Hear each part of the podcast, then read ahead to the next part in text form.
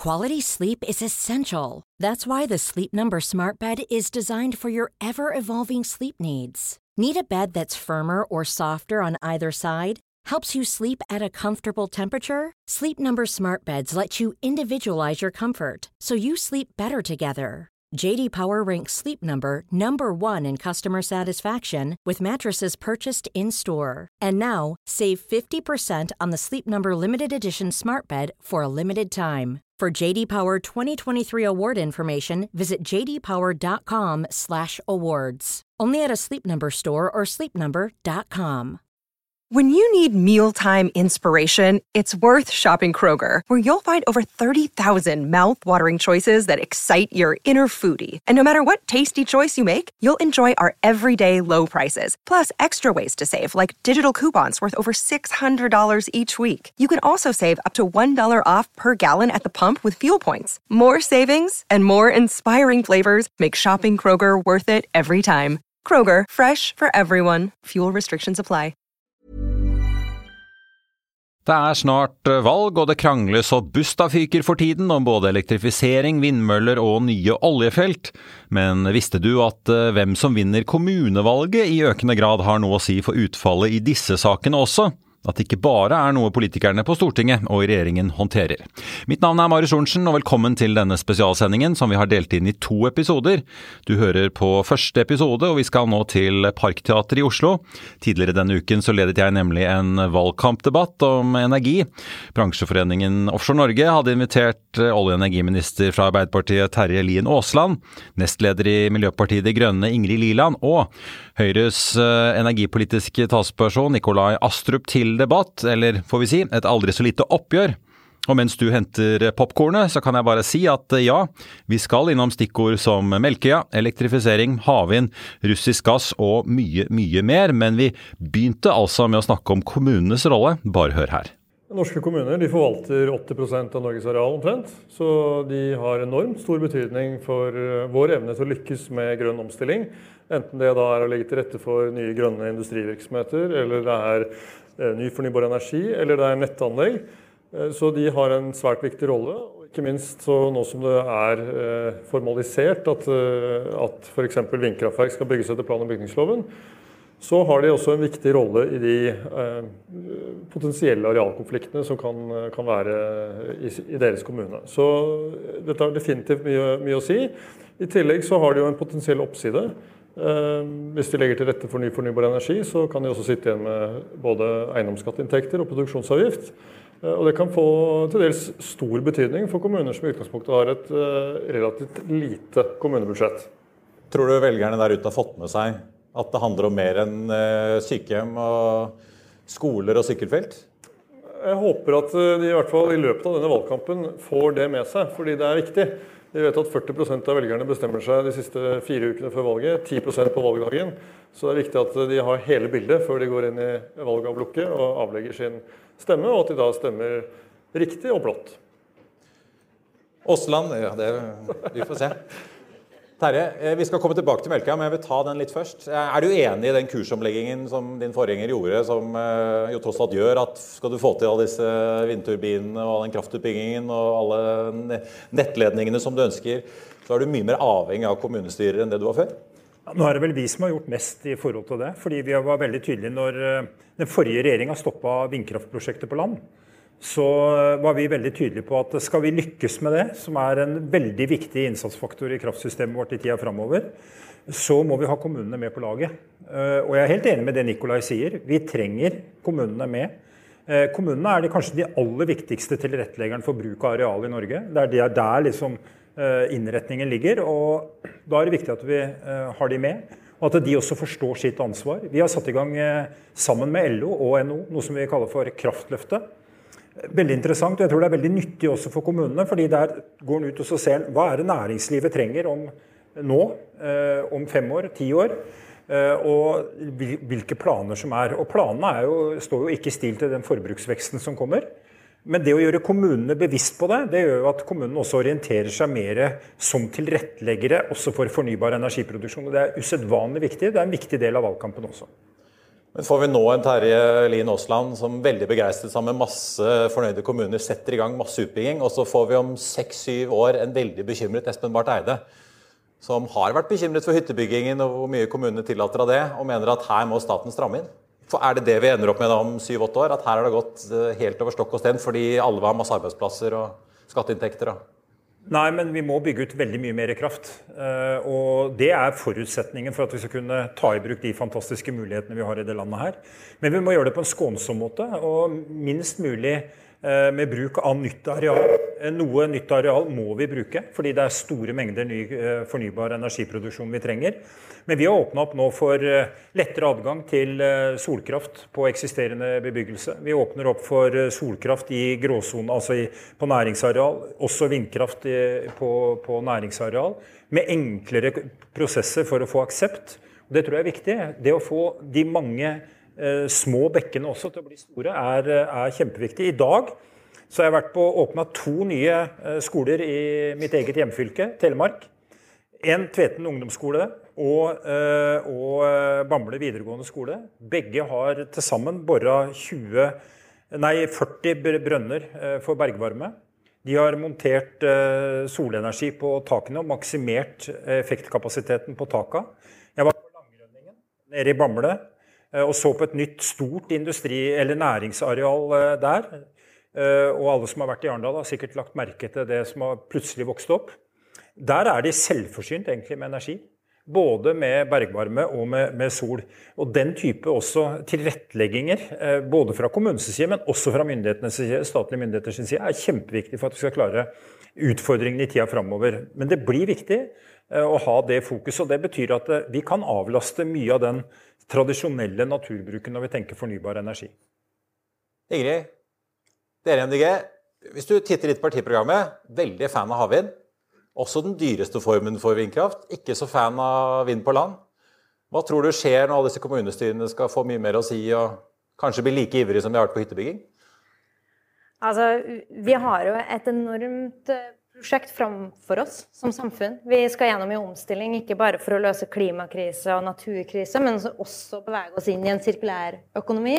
Eh, FNs generalsekretær sier at vi rike land som Norge bør ha som mål å være et nullutslippssamfunn allerede i 2040. Så det er en stor oppgave, og jeg er jo bekymra for at eh, regjeringa av både rød og blå farge i ganske mange tiår har latt være å gjøre nødvendige tiltak som gjør at kommunepolitikere nå over hele landet som ønsker å gjøre noe bra for sitt lokalsamfunn, blir tvunget til å bygge ned natur eller stå i veldig mange Eh, mange eh, dilemmaer der miljø og klima vil tape. For det er nemlig sånn at vi har ganske mange eh, tiltak for klima og natur som ikke fører til de konfliktene som vi ser nå f.eks. i Finnmark, som vi har sett på Fosen. Det finnes konfliktfrie tiltak som f.eks. å prioritere krafta til det, den industrien og det næringslivet som vi skal leve av i mange tiår framover. Som kan levere nullutslippsløsninger til en verden i omstilling. Eh, vi kan, som Terje nevner, noen veldig fine eksempler på. Da. Bruke allerede utbygd arealer til å produsere energi. Men det potensialet er aldri kartlagt. Og de tiltakene for å både spare energi, eh, drive energieffektivisering og bygge mest mulig energi på utbygde områder, det har vi aldri eh, hatt en skikkelig satsing på.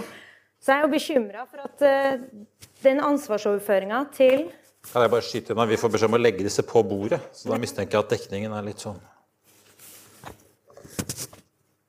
Det er dumt å multitaske. Ja. Da venter jeg med å snakke til jeg har lagt den her. Så jeg er bekymra for at regjeringa rett og slett har drevet en ansvarsfraskrivelse og lagt veldig vanskelige dilemmaer over på kommunene. Og at det er natur og klima som kommer til å tape. Terje, mens du sjonglerer eh, mikrofonen, eh, vil du svare på det?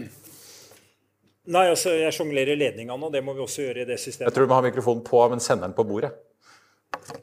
Hvis du klipser den på genseren. Den skal, den på, skal ja. på, ja. Men da setter jeg den litt lenger ned, så kanskje lyden bærer litt bedre. Sånn, da prøver vi. Vi prøver.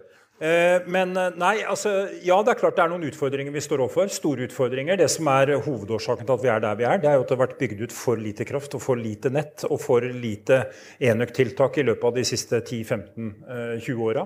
Egentlig. Det er hovedproblemet. Og så får vi den store omstillingen som kommer nå.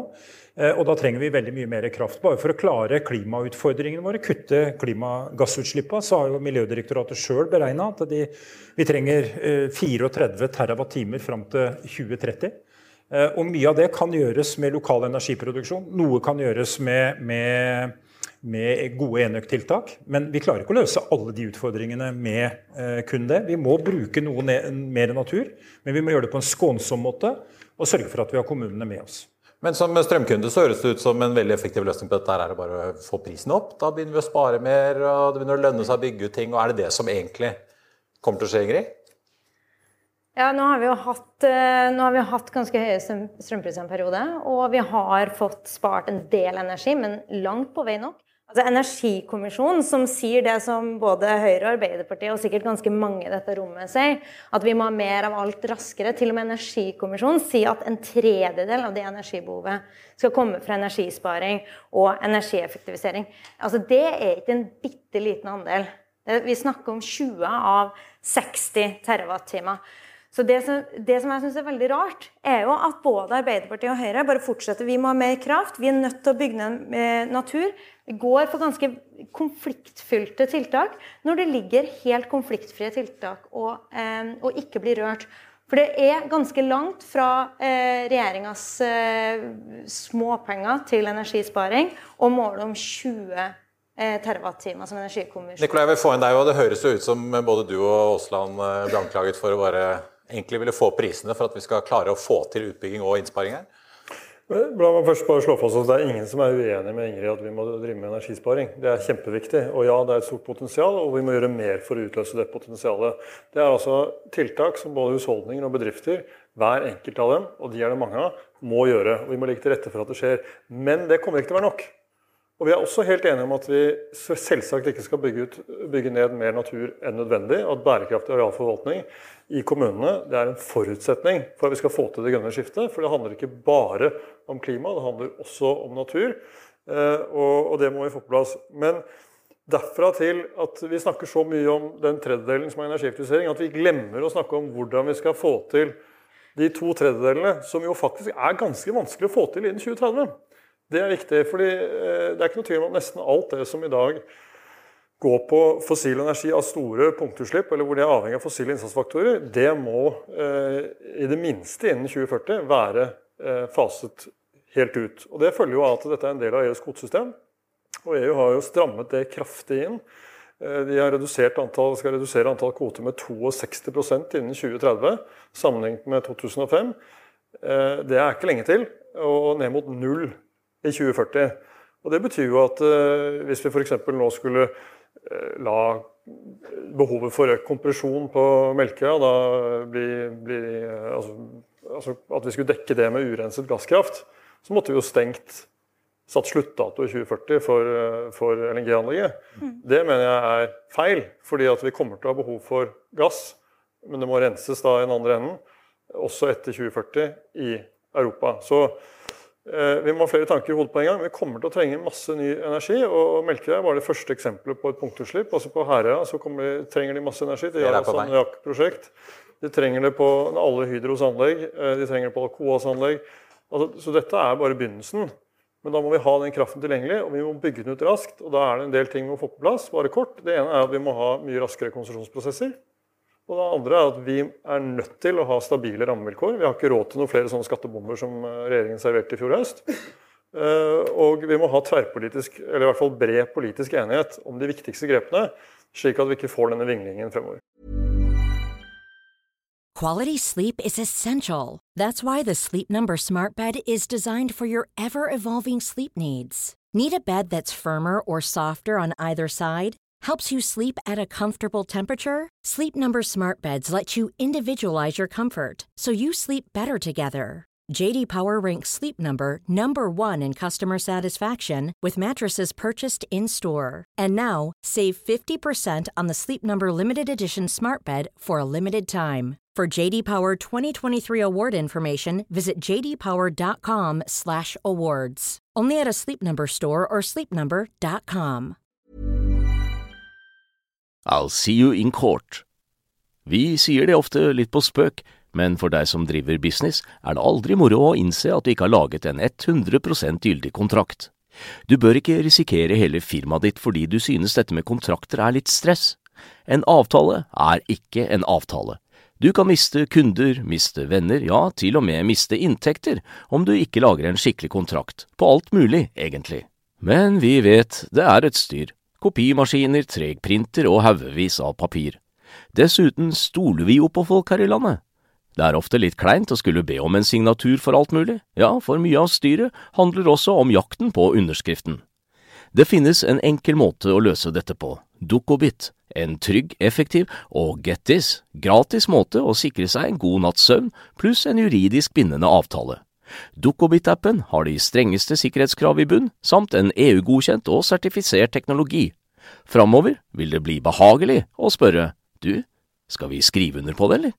Kom i gang på dukkobit.no. Ingrid? Jeg kan bare si at jeg er helt enig med Nikolai eh, når det gjaldt de ekstra fornybarskattene som regjeringa eh, innførte i fjor, som var helt, eh, som er helt hårreisende, all den tid vi trenger å flytte investeringer fra fossilt til fornybart. At fossilnæringa ikke Så høyprisbidraget, det, det lever farlig ja, det, det, gjør det. Men jeg, jeg, tror kanskje jeg er litt usikker på hvilke energidebatter Nikolai har vært i, hvis du syns det brukes for mye tid på energieffektivisering. For det er ikke det som preger mediebildet aller mest når det gjelder kraftdebatten. Det som preger kraftdebatten, er store, konfliktfylte utbygginger. Når vi vet at vi har energisparing som et tiltak altså Målet kan settes, selvfølgelig, men akkurat som i klimapolitikken så hjelper ikke mål uten at man følger opp med politikk og tiltak hvert eneste år.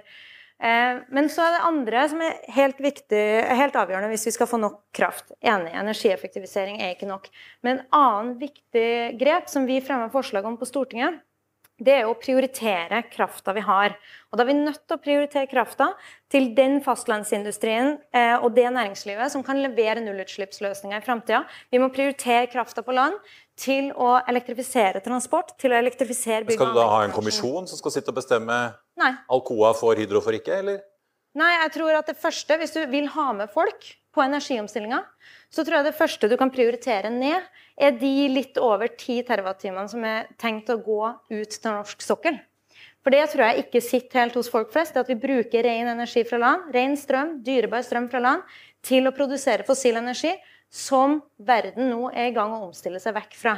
Det er noe av det mest kortsiktige tiltaket du kan gjøre. Det er det også fint å få med Ingrid Terje. For at du og Nikolai dere er jo enige om at vi bør elektrifisere sokkelen, så da kan vi bare gå rett dit med en gang. Ja, det bør vi absolutt. for vi, vi, vi gjerne... Det er ikke bare 10 TWh hvis alle disse prosjektene faktisk får grønt lys? kanskje, men, men, vi vil gjerne videreutvikle uh, mulighetene på norsk sokkel. Og de er mange, og de er viktige.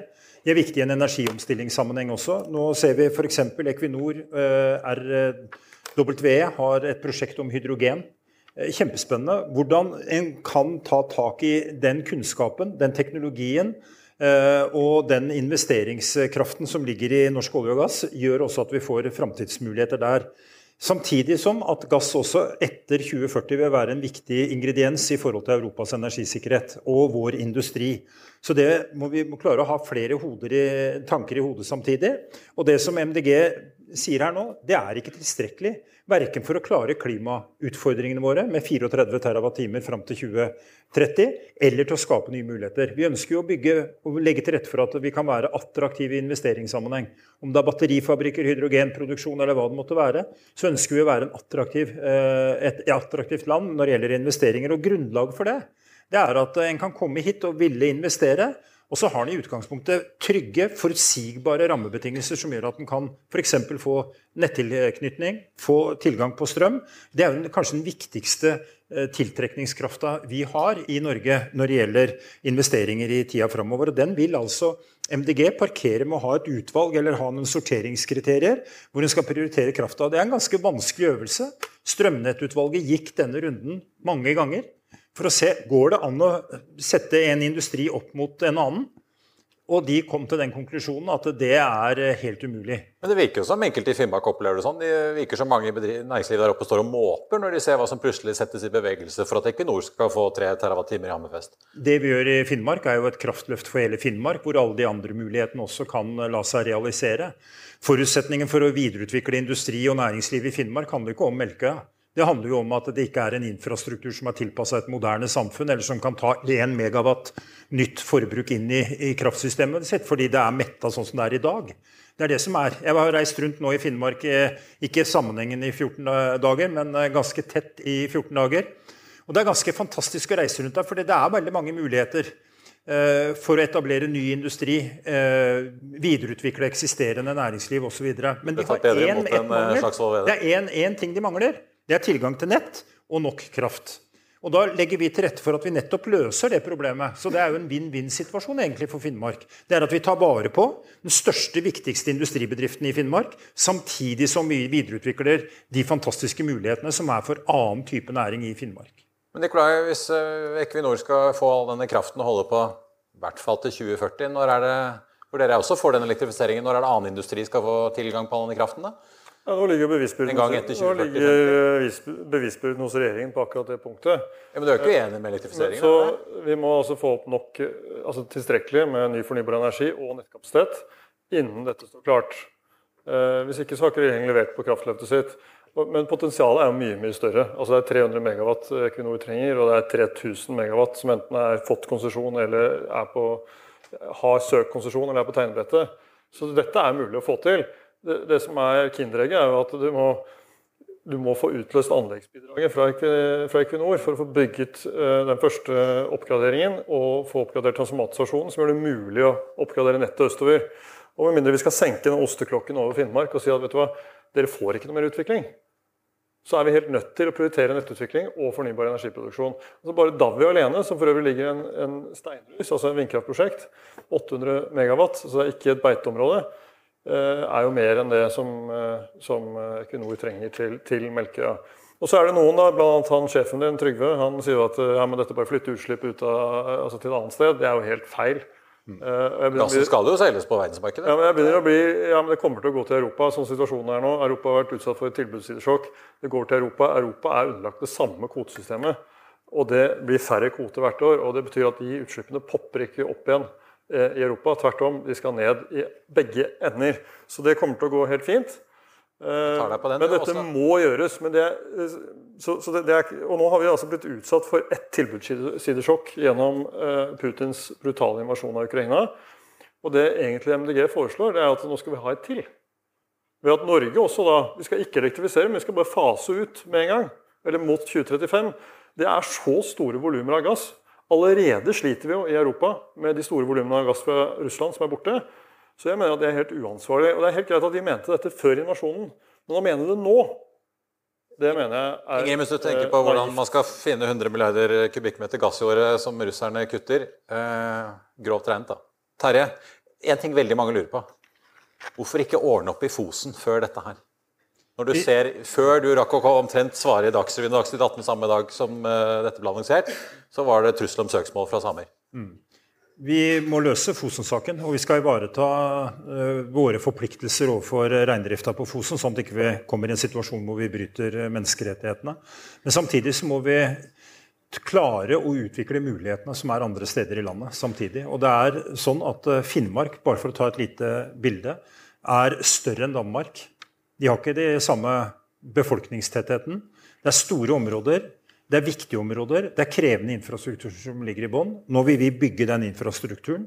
Den infrastrukturen er grunnlaget, altså nettet, grunnlaget for å få inn mer fornybar energi. Vindkraft har et stort potensial. Det er som Nikolai sier, 3000 megawatt eller mer som er mulig å bygge ut. Jeg tror ikke alt det blir realisert, fordi det er arealkonflikter. Men Er tidspresset så stort at man ikke kunne rekke å lage en løsning på Fosen som samene kan leve med, kanskje nasjonalt, eller en eller annen ordning, så at man ikke nå går med usikkerheten. Blir disse kraftlinjene på kryss og tvers av Finnmark i det hele tatt bygget? De blir bygget. Eh, de skal bygges. Det er den viktigste eh, innsatsfaktoren for å videreutvikle mulighetene i Finnmark. Og så har vi lagt inn en dimensjon til som er ganske avgjørende.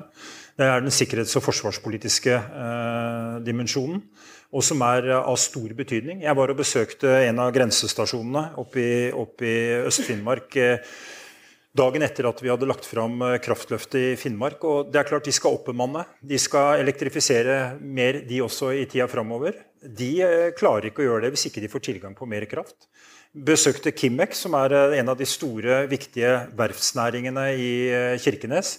De ønsker å både gå inn på nye områder, utvikle de områdene de allerede er på, men de har ikke mulighet hvis ikke de får mer strøm. Jeg besøkte eh, Bar L, som er en elektronikkbedrift som, gjerne, som har flytta hjem eh, produksjonen sin etter sanksjonene kom, fra Murmansk til, til Kirkenes. Vil gjerne lage én produksjonslinje til. De klarer ikke å gjøre det hvis ikke de får mer strøm. Eh, Sydvaranger gruver, som kan levere egentlig stål, grønt stål, påstår de. Altså veldig kvalitet og med lave utslipp. De klarer ikke å gjøre det hvis ikke de får mer strøm. Så det viser jo veldig tydelig at hvis ikke vi hadde tatt og tar det grepet som vi nå gjør, ja, så hadde viktige muligheter for Finnmark forsvunnet. Og skulle vi liksom avvente av den situasjonen eh, som er av konflikter og diskusjoner og temaer, og være liksom helt trygge på at det var en populær sak før vi gjør det? Nei, det er ikke sånn vi bygger landet. Vi må ta grep, gjennomføre det vi tror på og mener det er riktig. Eh, for å nettopp eh, styrke de mulighetene som er der. Og de er helt fantastiske. Jeg anbefaler alle som ikke har vært der, burde absolutt reise rundt og snakke med næringsdrivende som vil satse. Og det å sørge for at en parallelt kan utvikle Finnmark, samtidig som vi ivaretar reindrifta, det er en uh, stor mulighet i det, og det er gode, gode muligheter for at det Så det du sier, vi må stake kursen og så inngå en fredsavtale med samene? Ja, Vi skal inngå fredsavtale med samene, men hva er det samene De har press på mange områder. Det er rovdyr. Det er at de bruker mye av tida si på, på administrasjon pga. planer osv. Og, og de sier at de ikke vil ha dette. Hæ? De sier jo at de ikke vil ha disse ja, men de har ikke, over, men de, de har ikke vetorett. Vi må utvikle samfunnet, sørge for at vi gjør det på en best mulig måte, og at vi klarer å ivareta eh, reindrifta på en god måte. Det er jeg helt overbevist om at vi skal. Erfaringene i Finnmark sier jo at eh, når en får dialog, og har fleksibilitet i hvordan en framfører prosjektene sine, ja, så er det mulig å lykkes og få reindrifta også til å kunne leve godt med de eh, konklusjonene som er. Og det tror jeg Jeg har snakka veldig mye med reindriftsnæringa i løpet av det siste året.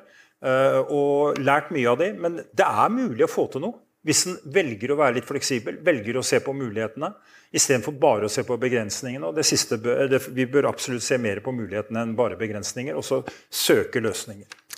Jeg ser frem til jeg kan gå i Narvesen og finne The Art of the Deal by Terje Lien Aasland. Ja, det burde du glede deg til, for det kommer til å bli veldig bra.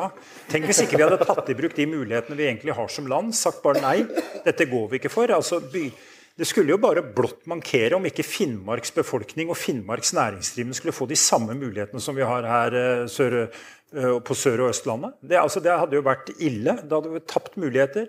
Men hadde sakte, men sikkert fortsatt den utviklingen som er med befolkningsnedgang. og ikke fått snudd en trend som alle egentlig drømmer om, både for å styrke velferden, styrke skole, eldreomsorg osv. Det er å få faktisk snudd befolkningsnedgang til noe mer positivt. Og dette var den første av to episoder fra denne valgkampdebatten. I del to så utfordrer jeg bl.a. disse politikerne på hvordan de skal klare å få bygget ut all denne fornybare kraften de drømmer om, når så mange i fornybarindustrien sliter, inkludert de som faktisk bygger de store vindmøllene som skal generere så mye av denne nye kraften. Denne episoden finner du allerede nå ved å søke opp Økonominyhetene hos Apple, Spotify eller der du hører på podkast. Mitt navn er Marius Thorensen, og jeg og alle vi her i Egna Media ønsker deg en riktig god helg videre, og så håper jeg vi høres snart igjen. Planning for your next trip? Elevate your travel style with Quince. Quince has all the jet-setting essentials you'll want for your next getaway, like European linen, premium luggage options, buttery soft Italian leather bags, and so much more. And it's all priced at 50 to 80% less than similar brands. Plus, Quince only works with factories that use safe and ethical manufacturing practices. Pack your bags with high-quality essentials you'll be wearing for vacations to come with Quince. Go to quince.com slash trip for free shipping and 365-day returns. Økonominyhetene er en podkast fra Finansavisen. Programledere er Marius Lorentzen, Stein Ove Haugen og Benedikte Storm Bamvik. Produsenter er Lars Brenden Skram og Bashar Johar. Og ansvarlig redaktør er Trygve Hegnar.